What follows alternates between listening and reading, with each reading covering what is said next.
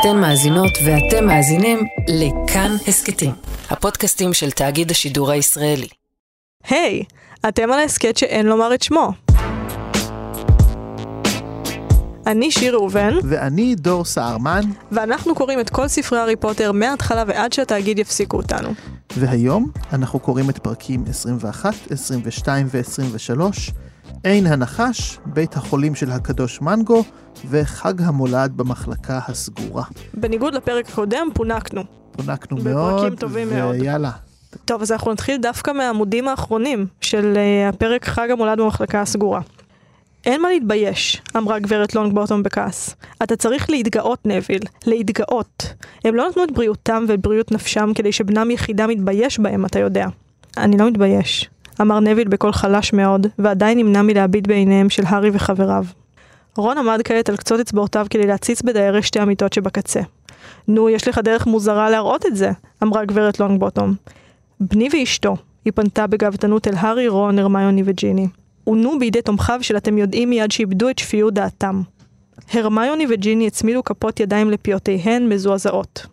רון חדל בבת אחת מהניסיונות לראות את הוריו של נביל ונראה בוש ונכלם. הם היו עילאים, אתם יודעים, ורכשו להם כבוד גדול בקהילת הקוסמים. המשיכה גברת לונגבוטום. שניהם היו מוכשרים מאוד. אני... כן, אליס יקירה, מה קרה?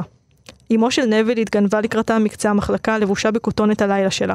פניה כבר לא היו הפנים העגולים והשמחים שהארי ראה בתצלום של מסדר עוף החול המקורי אצל מודי. כעת היו פניה רזים ועייפים, עיניה נראו גדולות מדי, ושערה של בין היה דליל ומת למראה. לא נראה שהיא רוצה לדבר, ואולי לא הייתה מסוגלת לדבר, אבל היא עשתה תנועות מהוססות לכיוונו של נביל והושיטה לו משהו בידה. שוב? אמרה גברת לונג בוטום ונשמעה מעט מיוגעת. בסדר, אליס, בסדר. נביל, קח את זה ממנה, מה שזה לא יהיה. אבל נביל כבר הספיק להושיט את ידו, ובכף ידו הפשוטה תחווה עמו עטיפה ריקה של מסטיק הכי מתנפח של דרובל. נחמד מאוד, יקירתי, אמרה סבתא של נביל בעליצות מאולצת וטפחה לאמו על כתפה. אבל נביל רק אמר בשקט, תודה אמא. אמו חזרה ודידתה לאורך המעבר אל מיטתה, מפזמת לעצמה בשקט. נביל הביט באחרים במבט מתריס, כאילו הוא רק מחכה לראות מי יעז לצחוק, אבל הארי חשב שמעולם הוא לא ראה דבר פחות מצחיק. טוב, כדאי שנחזור הביתה, נאנחה גברת לונגבוטום ועטתה על ידיה כפפות ירוקות ארוכות. היה נחמד לפגוש אתכם. נביל, זרוק את העטיפה הזאת לפח, היא בטח כבר נתנה לך מספיק עטיפות לצפות את הקירות בחדר שלך. אבל הארי היה משוכנע שבדרכם החוצה ראה את נביל מכניס את העטיפה לכיסו. אני אגיד משפט שנחזור אליו בסוף הפרק.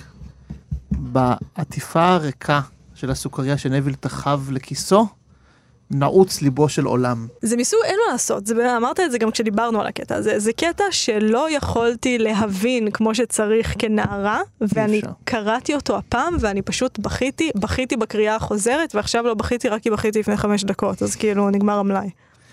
זה באמת, הפרקים האלה בכלל, אלה פרקים שסוף סוף אנחנו יוצאים קצת מתוך התקיעות הזו, כן. אה, ורולינג חוזרת, חוזרת להיות רולינג בכל מובן אה, אפשרי וטוב, ואלה פרקים שיש בהם הרבה מאוד עצב והרבה מאוד כאב, ואני אתחיל דווקא באמת בהתחלה של הפרקים האלה בשיעור של האגריד. אה, במאורע שהוא לכאורה פחות דרמטי, ועוד קשור קצת לאירועים של הפרקים הקודמים, מהמם. אבל הוא מעין חוליית קישור מאוד חזקה. כן, כי מה שקורה זה שאמברידג' המרשעת כמובן באה לעשות ביקורת על השיעור של הגריד, שברור לנו שהיא לא תהיה הוגנת, כי הגריד הוא חצי ענק והיא שונאת אה, גזעים אחרים. אה, והגריד דווקא מארגן שיעור מעניין ולא מסוכן, כן, אבל מה הוא עושה? הוא מביא ומכיר לנו בעצם את הססטרלים, כן, את אותם סוסים מחונפים, שלדיים, מוזרים, שהארי חשב שהוא משתגע כי הוא היחיד שרואה אותם. אז פה אנחנו סוף סוף למדים מה זה היצורים האלה, וגם למה הארי ועוד מעט אנשים רואים אותם, כי רק מי שראה את המוות לנגד עיניו, ראה מישהו מת, יכול בעצם לראות אותם. עכשיו, התגובות לטסטרלים האלה אה, הן מאוד מעניינות. עכשיו, זה ממש הופך למעין הקצנה, שהגועל שאמברידג' מפגינה, וגם זה שישר אומרת שהיצורים האלה הם מסוכנים, גם מתקשר לזה שפרווטי פתיל, שהיא לא דמות רעה, אבל היא מייצגת מעין- מעין אה, מיינסטרים של עולם הקסמים, היא ישר נזהרת, כי היא, יודע, כי היא אומרת, מה, היצורים האלה הם ידועים כסימן למזל רע, למה אתה מביא אותם לפה? והגריד מסביר גם לתלמידים ולאמברידג' וגם לנו, שזה סתם נקשר בהם. ולמה? בגלל שמי שיכול לראות אותם הוא אדם שחווה מוות, ולכן מקשרים אותם לכל דבר שרע. עכשיו, יש פה מנגנון התמודדות אנושי מדהים Mm-hmm. עם הטאבו הכי גדול שיש בחברה האנושית, שזה המוות. אה, לא מקובל לדבר על המוות, לא מקובל להנכיח את המוות. כשאדם נפטר הוא לא מוצג לראווה, כן, הוא נקבר והוא נמצא בבית קברות, או שורפים את הגופה שלו, או לא יודע מה, הוא לא נוכח, הוא מורחק מאיתנו, כי המוות הוא טאבו. כי אם אה, אנחנו לא נדחיק אותו, אנחנו נצטרך כל הזמן ויום יום להתמודד עם העובדה שיום אחד זה יקרה גם לנו, וזה כמובן דבר שקשה מאוד מאוד אה, להתמודד איתו. בתרבויות עתיקות גם היה, היו תקופות שאנשים חשבו שהמתים יחזרו לנקום בהם, או שאסור היה להגיד את השם של הבן אדם שמת. זה באמת טאבו מאוד מאוד גדול, שאני חושבת שהרבה מאוד מהטקסים שאנחנו מקיימים עד היום, ואנחנו מקיימים אותם כברירת מחדל, נעוצים באמת בפחד הקדמוני הזה, האנושי שיש מהמוות, ובמערך הטקסים המאוד מסואב שהיינו צריכים לבנות כדי שהוא יישאר במקומו. חד משמעית, וזה שאני מסתכל על הטסטרלים או על כל ייצוג אחר שהוא כמו הטסטרלים בעולם שלנו, וישר אומר זה מזל רע, להגיד על משהו זה מביא מזל רע, זה בסך הכל יופימיזם להגיד לעכשיו אני לא יכול יותר להדחיק את המוות, ראיתי איזשהו חלק ממנו, אני מבין שיום אחד אני אמות, אני לא מסוגל להכיר בזה, אז אני עוטף את כל זה במעטפת של אה, אמונות טפלות, של דברים כאלה, ש, ש, שזה גם מקטין ומרחיק את המוות, גם נותן לי איזושהי מעין אשליה של שליטה, נכון? כי אם אני אולי אגיד שגם אה, אסור ללמד על התסטרלים, אז לא יהיה נוכח לי שיש פה איתי בכיתה שלי אנשים שראו את המוות לנגד עיניהם, ואז אני יכול להמשיך ולחשוב שכל הנושא הזה בכלל רחוק ממני לגמרי. והרי כל הספר החמישי עוסק כולו בהדחקה הגדולה ביותר של וולדמורט, שהוא המוות מהמם. בה"א הידיעה, זה אפילו בשם שלו, ובמשאלת לב שלו לא למות לעולם, שהוא בעצמו גם המדחיק הכי גדול של המוות. וככה, בהדחקה על הדחקה על הדחקה, אנחנו רואים בסוף סימבולים של אה, מזל רע, בסופו של דבר. זה מה ש... לזה זה מתורגם בסוף ביומיום שלנו, וזו הכנסה מקסימה ומבריקה של רולינג, שאני מאוד מאוד אהב. נכון, הטסטרלים הם חד משמעית הסימבול האהוב עליי. בכל, אה, אני חושבת שהוא בטח בספר הזה, אבל באופן כללי זה שימוש, אה, אתה יודע שמשהו טוב כשהוא יכול לסמל יותר מדבר אחד. בדיוק. בניגוד לחדר הנחיצות השנוא עליך, שזה פשוט המצאה לא טובה. שזה פשוט הדאוס אקס מקינה, אה, איפה נוכל להתאמן? אה, בחדר יש בו את כל מה שצריך כל הזמן, אוקיי. כן, אז שם. הטסטרלים הם באמת יצור מאוד מאוד עמוק, שיכול להתייחס גם להדחקה, גם לתפיסת המציאות, אני רואה אותם, אני לא רואה אותם, ובאמת אה, כל הכבוד לו. אנחנו. מחזירים לה את כבודה אחרי הפרק הקודם. עכשיו, אה, אני מגיעה בעצם, הדבר הראשון שקורה בפרק הזה מבחינתי, זה שהארי חולם. או בעצם חוזה, יותר נכון, בנגיני, אנחנו לא יודעים שזאת נגיני, לא יודעים מי זאת, שמקישה את ארתור ויזלי. עכשיו, יותר מזה, בחלום לא נאמר שהארי נהנה מזה, אבל התיאור של מה שקורה שם הוא תיאור מאוד חושני. הארי מחליק, הוא גמיש, יש שם משהו אפילו, כאילו, אני רוצה להגיד סקסי בתיאור הזה, כאילו יש שם משהו ממש, הוא בתוך הגופניות של הדבר הזה. הוא רואה דמות, הוא נושך אותה, הדם חם, זה נשמע כאילו יש איזשהו עונג גופני מעצם התיאור הזה. אה, מעין. אינטימיות כזו הייתי אומר. אפילו יותר מאינטימיות, אני חושבת שמה שיש שם זה איזושהי תחושה של גופניות שהיא מאוד נדירה בעולמנו הדיסוציאטיבי גם- מגופך. ואפרופו שוב טאבואים וזה, נחש הוא גם סמל. לגמרי. חושניות ודברים כאלה. ובצדק, מסתבר. אחר כך אנחנו מגלים בקיצור שזה לא היה חלום, הדבר הזה באמת קרה, הארי יודע מהשנייה שהוא מתעורר שזה באמת קרה, ושארתור ויזלי באמת הוקש. והארי חושב כמובן שזה דבר שהוא עשה. כי הוא היה בתוך הגוף של נגיני, והוא סוג של, אי אפשר להגיד נהנה מזה, אבל זה מאוד בתיאור, זה תיאור מאוד, זה כמו תיאור של בן אדם אוכל, זה פשוט תיאור חושני. עכשיו, למה אני אוהבת את הקטע הזה? בגלל שזה מזכיר לי בדיוק את מה שקרה להארי בספר השני, כשהוא גילה שהוא דובר לחשננית. הוא גילה שחלק מוולדמורט דבק בו. עכשיו, באזורים האלה של הספר, יש המון המון רפרורים לספר הזה. קודם כל, ג'יני בעצמה מזכירה שוולדמורט השתלט על הגוף שלה, אה, שזה קרה בספר השני. בבית החולים על שם הקדוש מנגו הם פוגשים את לוקהארט במחלקה הסגורה ונזכרים במה שקרה לו. כמה פרקים לפני זה, הרמיוני מספרת שמצנפת המיון התלבטה לגביה וחשבה האם לשים אותה ברייבנקלו. לי זה כמובן מיד הזכיר את ההתלבטות היחידה שאנחנו מכירים עד כה במצנפת המיון, האם לשים את הארי בסלית'רין או בגריפינדור, שזה שוב דבר שהספר השני עוסק בו כל הזמן. אפילו כשהארי רוצה לברוח אה, ממטה מסדר עוף החול, הדיוקן אומר לו, אה, אתה בורח, אנחנו בסלית'רין תמיד יודעים להציל את עורנו. הוא אומר, זה לא, זה, זה פחות איפה שאני. כלומר, יש פה איזושהי חזרה לתמה הזאת, שהיא התמה מבחינתי לפחות, העמוקה ביותר שנידונה בספרים האלה. אה, ונזכיר, אני מתייחסת לאחד הפחדים של הארי, שיש בו חלק מוולדמורט, או אם אה, לדבר את זה בשפתנו, אחד הפחדים של אנשים פוסט-טראומטיים שחוו אלימות אינטנסיבית, הוא הפחד שהם יהפכו להיות התוקפן, שהם יהפכו להיות הצד האלים, שהם יקרבנו מישהו. וכאן אנחנו מקבלים עוד שכבה. בגלל שבספר הרביעי, הארי חווה אירוע קשה שרענן את הזיכרון שלו, את הזיכרון הטראומטי שלו, הוא בעצם חווה עוד דבר מאוד קשה על ידי אותו בן אדם, שגם, זה בעצם קורה לו בגלל הדבר הקשה שקרה לו מלכתחילה.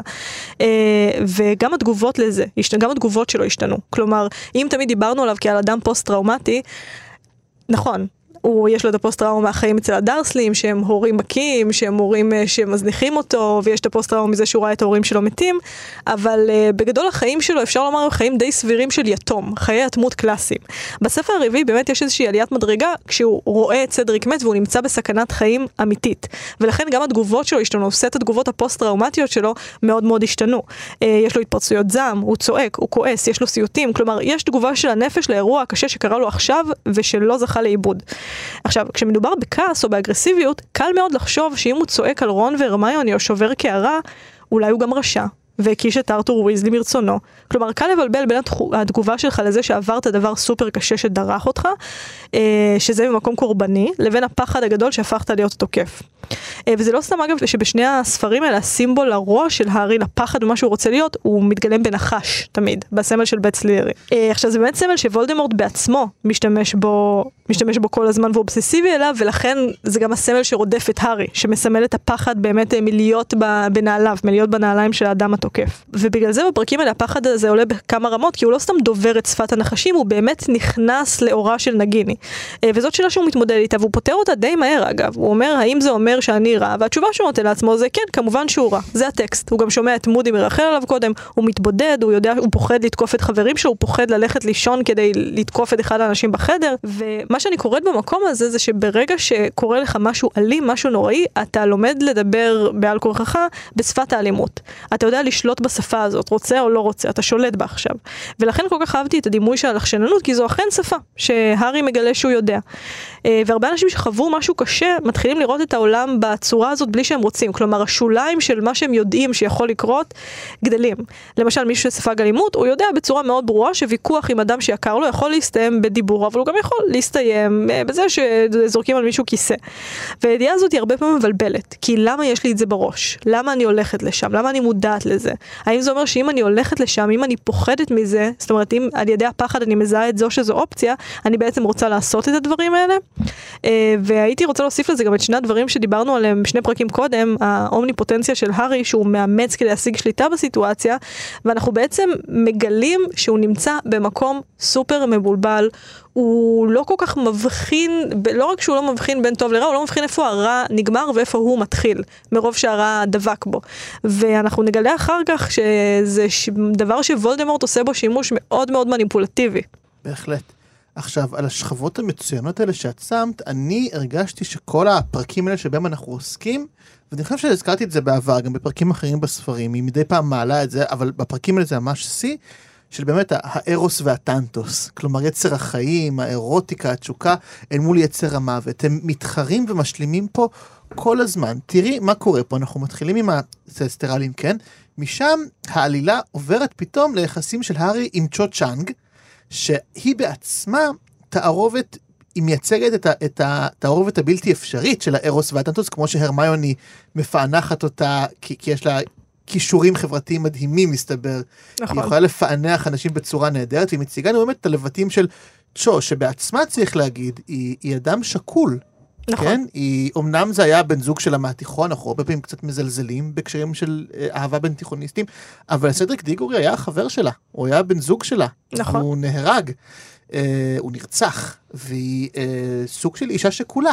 וזה, שימי לב, גם צ'ו בעצמה כן היא מבולבלת, היא, היא עוד אוהבת את סדריק, היא מרגישה שהיא גם אוהבת את הארי, והארי הוא האדם היחיד שראה את סדריק נרצח ומת, יש איזה מין משולש בלתי אפשרי שקושר ביניהם, שבליבו גם אהבה וגם מוות, וצ'וי בסך הכל בחורה בת 16, וגם ככה זה גיל קשה, וזה רק מוסיף עליה עוד יותר דברים, ואת גם רואה את הלחצים של החברה פה עליה מזה שהיא מרגישה שהיא לא זכאית לאהוב עוד מישהו. עכשיו, את יודעת שעד כאילו 2009, אם היית אלמנת צה"ל, כלומר אם אה, אה, בעלך נהרג בשירותו הצבאי, את היית זכאית לפיצויים, אבל אם בחרת להתחתן שוב, המדינה אמרה לך, את לא מקבלת יותר פיצויים. אוי, וואו. כאילו, המדינה בעצם אמרה לך, אם אה, התחתנת מחדש, סימן שהתגברת, ואת כבר לא אלמנה, והרגשות הנוראים האלה עברו, אז את לא מקבלת כלום, ולכן כאילו אלמנות צה"ל במשך שנים לא התחתנו מחדש. אפילו יותר מזה, זה כאילו, הגבר שפרס עלייך את חסותו נהרג בגללנו, אנחנו נפרוס עלייך את חסותנו, אה, מישהו אחר פורס כן. עלייך את חסותו,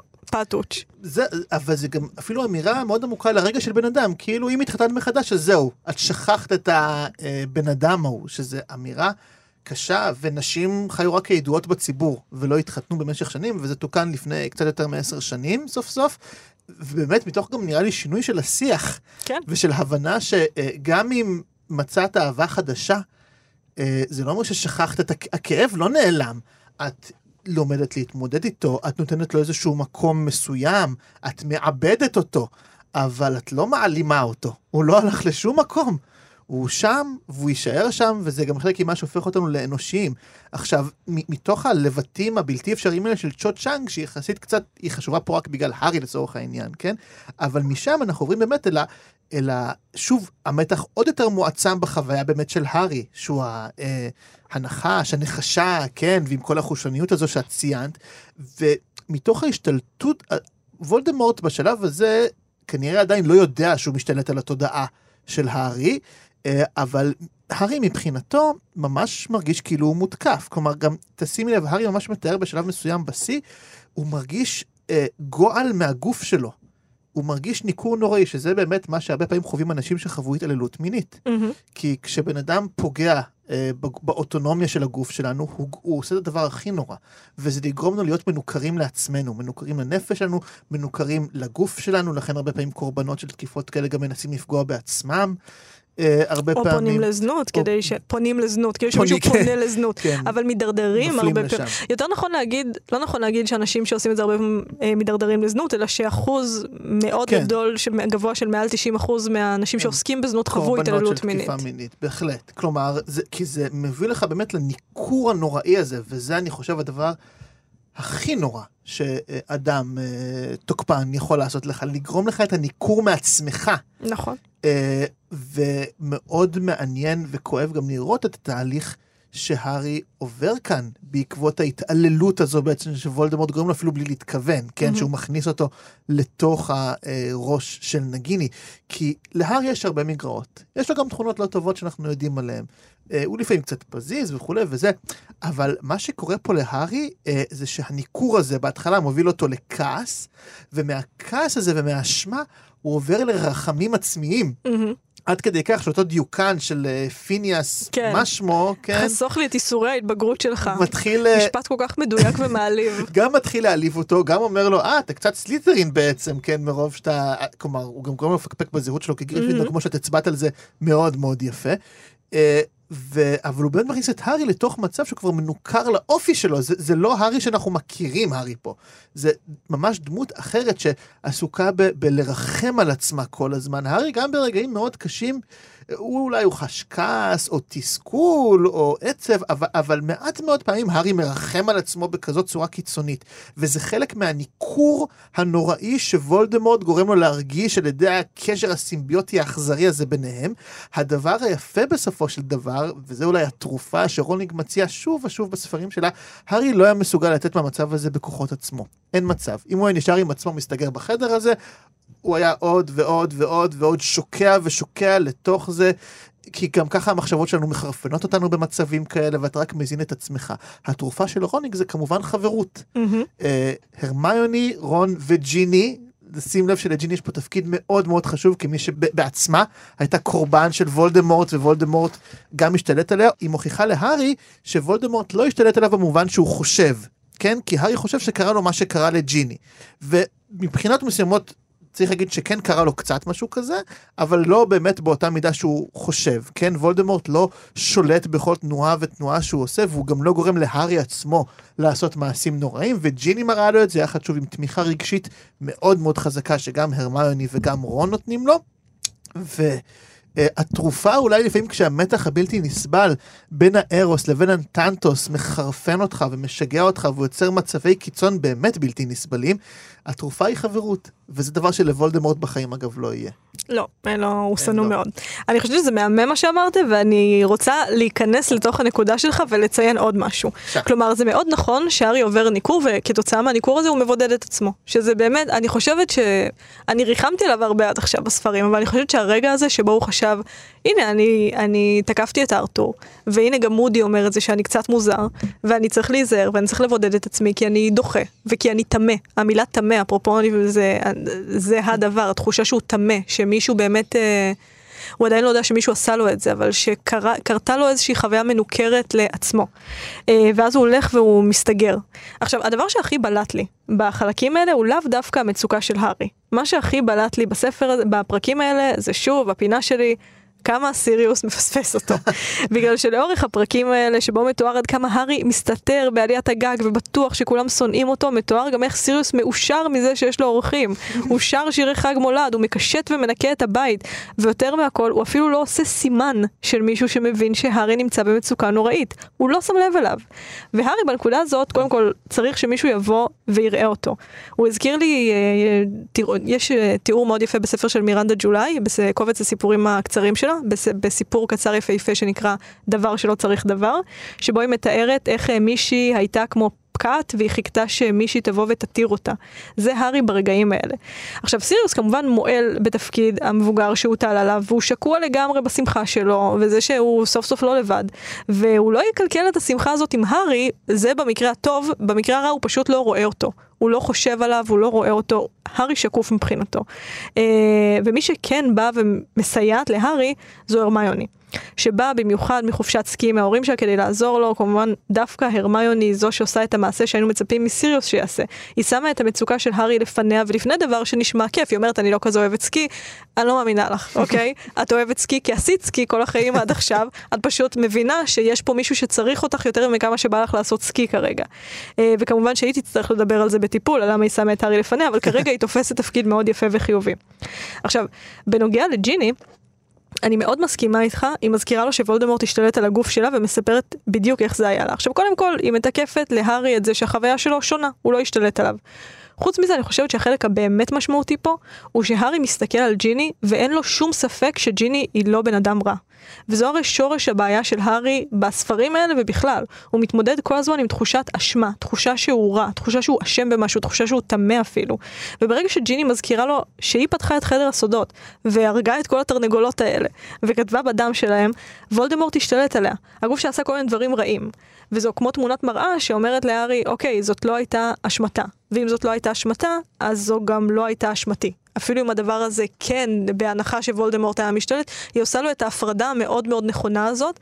וגם מאוד אהבתי את זה, שמתי שהארי אומר לה, כן, שכחתי שזה קרה, ג'יני אומרת לו, כיף לך, ומתואר שהיא, במבט, שהיא אומרת את זה במבט מאוד עגום. כלומר, זה נשאר איתה, החוויה הזאת. זה לא רק זה, אני אגיד, בדרך כלל, במיוחד בספר הזה, מי שמנכיח לאחרים ואומר, וואו, איזה כיף לכם שאתם לא חוויתם את זה, זה הארי. הארי כל הזמן אומר לרון והרמיוני, אה, כן, לכם קשה, לי נורא ואיום, וכולי, כן. והוא צודק, ופתאום עושים את זה לא. נכון? זה רגע יפה.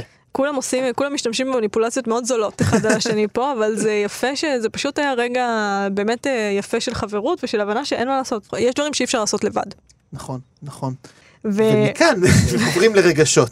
אז uh, בקדוש מנגו אנחנו בעצם מגיעים לנקודה שקראנו, שזה שאנחנו כבר יודעים דרך הארי מה קרה להורים של נביל. אבל פה אנחנו קודם כל רואים את נביל עם סבתא שלו, ואנחנו רואים מישהו עם סבתא שלו, שהיא גם מתוארת כאישה אריסטוקרטית כזאת, או לפחות מישהי שהייתה אריסטוקרטית עם פוחלץ של נשר, ומישהי שמדברת ככה, בס... כאילו עם המון כבוד עצמי, והיא לוחצת להם את היד, כלומר מישהי שמאוד מכבדת את המקום שהיא מגיעה ממנו. Uh, עכשיו, זאת הפעם הראשונה בקריאה של הספרים האלה שבכיתי בדמעות. נורא. הפתיע אותי. הפעם הראשונה, אה, להזכיר למאזיננו, הייתה בסצנת הפטרונוס בספר השלישי. אה, וזה קרה כשנביל הכניס לכיס את העטיפת מסטיק שאימא שלו נתנה לו. קודם כל כי זה רגע ספרותי נוגע ללב. יש כאן אישה שאיבדה את שפיות דעתה, שזה גם מינוח ספרותי יותר מרפואי, אבל זה דווקא משרת אותו במקרה הזה, ויש לה בן, ואפשר להניח שהיא מרגישה אליו רגשות עזים של אהבה. אה, ויש משהו ברגשות האלה שהוא חייתי, כאילו גם חתול, חתולה יודעת שהיא אוהבת את הצאצא שלה, גם uh, ציפור יודעת שהיא צריכה לדאוג לגוזל שלה. Uh, וזה משהו טרום שפתי אפילו, טרום התנהגותי. ולכן היא רוצה לעשות משהו שעושים כשאוהבים, שזה לתת לו משהו, להזין אותו. אבל מצד שני יש את עוצמת הדבר הרע שקרה לה, שהיא אפילו לא יודעת מה נותנים. היא פועלת רק מאינסטינקט. והיא נותנת לו עטיפה של מסטיק שכנראה שגם הוא מעורר ברגשות עזים וחיוביים, שזה אוכל. עכשיו זה רק מראה לנו עד כמה האישה הזאת בעצם הלכה אחורה ברמת ההתפתחות האנושית שלה, כי זה דבר חושי, זה לא דבר עם ערך, זה לא דבר שאת יודעת שיעזור לו, אלא דבר שכמו שהבן שלך מעורר בך את התחושות העזות האלה, ולא ברור לך למה, אה, המסטיק הזה כנראה מעורר בך את אותם הדברים, כי זה עולמך הרגשי אחרי מה שקרה לך. הרגע הזה בעצם נותן לנו הצצה לעולמה הפנימי, וזה רגע מאוד מאוד כואב, כי אנחנו מבינים מה עבר עליה. וגם זה מראה לנו את עוצמת האובדן של נביל, ואת המציאות המאוד מורכבת שהוא חי בה. ויותר מזה, יש בפרק הזה כמה שאלות בעיניי. קודם כל, למה רולינג מראה לנו את זה? שוב, בספר הארוך הזה, כל פעם שאני מגיעה לאיזשהו חדר צדדי שלא מקדם את העלילה, אני שואלת את עצמי למה היא מראה לנו את זה.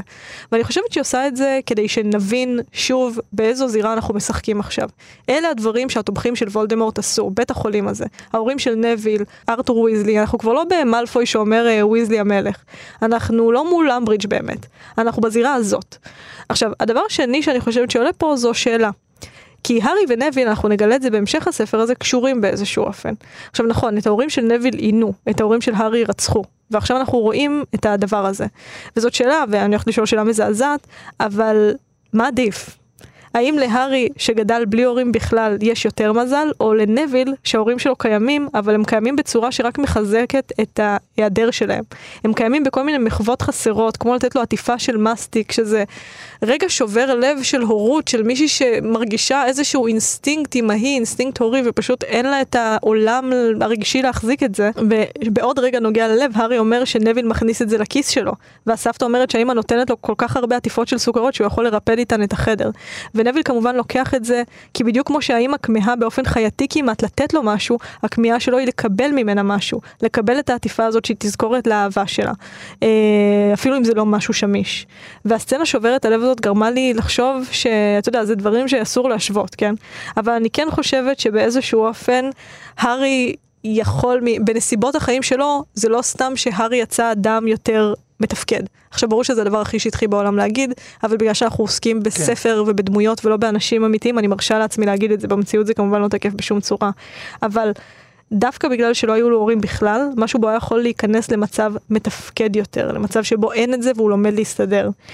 נביל מתואר לאורך כל הספרים כמו פצע פתוח כזה, הוא בלימבו מאוד עצוב. עכשיו כשקוראים בדיעבד את הקלאמזיות שלו, את חוסר הביטחון שלו, אפילו את הרגעים של האומץ שלו, זה מרגיש כאילו הדבר הזה לא מניח לו בשום רגע. הוא תמיד טרוד בדבר הזה. כי אין לו הורים, אבל יש לו מספיק הורים כדי להזכיר עד כמה אין לו אותם. וככה הפצע הזה לא באמת יכול להיסגר אף פעם. הוא לא באמת יכול להגליד ולהמשיך הלאה. ואלה דברים קשים, אבל בקריאה אחורה אני רואה את הדמות של נביל, קודם כל כדמות רדופה וגם כדמות הרבה יותר מורכבת. ואני חושבת שאחת הגדולות של הספר הזה, זה שבנוסף להארי, שבניגוד לתחילת הפודקאסט שלנו, אני לא אהבתי אותו, אני, אני, הולך, אני לא רק שאני אוהבת, אני מאוד אוהבת אותו עכשיו, בספר הזה יש עבודה על דמויות משנה שהיא פשוט רקומה בעבודת יד. אנחנו צוחקים פה בספר הזה על אמברידג' וזה, אבל... הדמויות פה, כמעט כל אחת מהן, איפה שלא תזרוק, אתה תפגוש פרופיל מעמיק ויפהפה של דמות, ובאמת, כל הכבוד לה. גם חשוב מאוד לראות מה המעשה הנבזי שוולדמורט ותומכיו עשו למש... למשפחת לונג בוטום, כן? לראות כמה הם שללו לא רק מנביל, אלא מכולם. הם שללו מההורים של נביל את הזכות לגדל ילד ולראות אותו גדל, שזה הדבר הכי מדהים שאדם רואה. אני כאילו אומר את זה וצפות לי ישר דמות כי אני חושב על הילד שלי, כי אין דבר יותר יפה בעולם מהדבר הזה. הם שאלו כמובן מנביל את הזכות שלו להיות מגודל על ידי הורים שאוהבים אותו ומעניקים לו תמיכה. הם שללו גם מסבתא של נביל אגב, את הזכות לראות את, הב... את הבן שלה יחד עם כלתו גדלים והופכים להורים ומגדלים לנכד והיא תוכל להיות רק סבתא שבאה ומפנקת את הנכד שלה ונותנת לו חיבוקים ומתנות כמו שזה מה שסבתא צריכה הרי לעשות. גם יש פה איזה ההנגדה מעניינת עם זה שכאילו סבתא של נבית מתוארת כאדם קצת קשוח עם הנכד שלה עכשיו, היא מאוד אוהבת אותו, וזה הרי לא מה שסבתא צריכה לעשות, אבל היא צריכה לתפקד לא גם, צריכה לחנך. היא צריכה לתפקד גם כסבתא וגם כאימא, בגלל מה שוולדמורט ותומכיו עשו. כל מה שסבתא, הרי זה, זה הפריבילגיה הכי גדולה בלהיות סבא וסבתא, זה הזכות רק לפנק ולפנק ולפנק ולהשאיר את כל עבודת החינוך להורים, וזה בסדר גמור, ככה זה צריך להיות. אבל וולדמורט שלל גם את חוויית הסבתאות ממנה, וגם היא נפגעה ממנו, לא פחות. אמ, ועם כל הדברים האלה, של כל החרא הזה שוולדמורט והתומכים שלו עשו, ממש מדהים לראות עד כמה כל משפחת לונג בוטום היא משפחה אמיצה ברמות. קודם כל, גם הגאוות יחידה שיש לגמרי. לסבתא של נביל. גם את רואה שהיא אישה שמכבדת אחרים, העובדה שהיא לוחצת את היד לכולם, והיא גם פונה אגב להרמיוני ואומרת הרבה פעמים הארי זוכה להכרה על ידי נכון. קוסמים אחרים, אבל היא גם מכירה בהרמיוני ובכמה שהיא עוזרת לנביל, זה... זה גם מראה משהו על הקשר שהיא כן הצליחה ליצור עם הנכד שלה, שזה בדיוק. דבר... אנחנו הנכד שלה בא ומספר לה כנראה. מספר לה, וזה אומר שיש לו למי לספר. אנחנו מכירים מספיק מודלים של אה, הורות גרועה, או של אפוטרופסיות גרועה בספרים האלה, כדי לדעת שאם היא יודעת מי זאת הרמיוני, היא כנראה עושה משהו נכון. זה לא במקרה שהיא יודעת מי זאת. לגמרי לגמרי ואז גם היא גם כמו שאת הזכרת מאוד יפה כן את מעשה שאימא של נביל עושה וגם את העובדה שנביל לוקח כאמור את הסוכריה והוא כאילו אומר פה לוולדמורט אני לא אשכח את אימא שלי. כי נביל היה יכול גם לזרוק את הסוכריה הזו ולהדחיק כמה שאפשר את כל המפגשים האלה. אבל הוא לוקח את זה איתו, הוא מתעקש לזכור את ההורים שלו ואת מעט האהבה שהם מצליחים לנסות ולהעביר לו, ואת מעט הקשר שהם מצליחים לתת לו, הוא מתעקש להיאחז בזה, ובזיכרון הזה שאימא שלו גם מנסה להעביר לו עם כל האמצעים המוגבלים של כל הצדדים פה. ומצד אחד זה כל כך לא הוגן מה שוולדמורט אה, עשה להם, כי כאמור, ואת גם אמרת למה הארי מצליח להיות אדם מתפקד יותר, כי הארי יכול לפחות לדמיין. הוא יכול לפנטז, על- והוא עושה את זה גם כל הזמן. גם היו- יותר קל להדחיק את המוות, אין מה לעשות, נכון, מאשר את ה... נכון, נכון, לא, ואתה גם יכול באמת לדמיין, להגיד, אמא שלי הייתה אדם מדהים, אבא שלי היה אדם מדהים, אנחנו יודעים מה אה, הארי חושב על האבא שלו ואיך הוא נתלה בזה. הארי אפילו היה יכול לראות סוג של בבואות מתפקדות של ההורים שלו, גם בראי וגם כשהם יצאו בסוף מה- בדו-קרב שלו מול נכון. וולדמורט. אפילו הוא זכה להצצה אפילו רגעית ש- של מי יהיו ההורים המתפקדים שלי.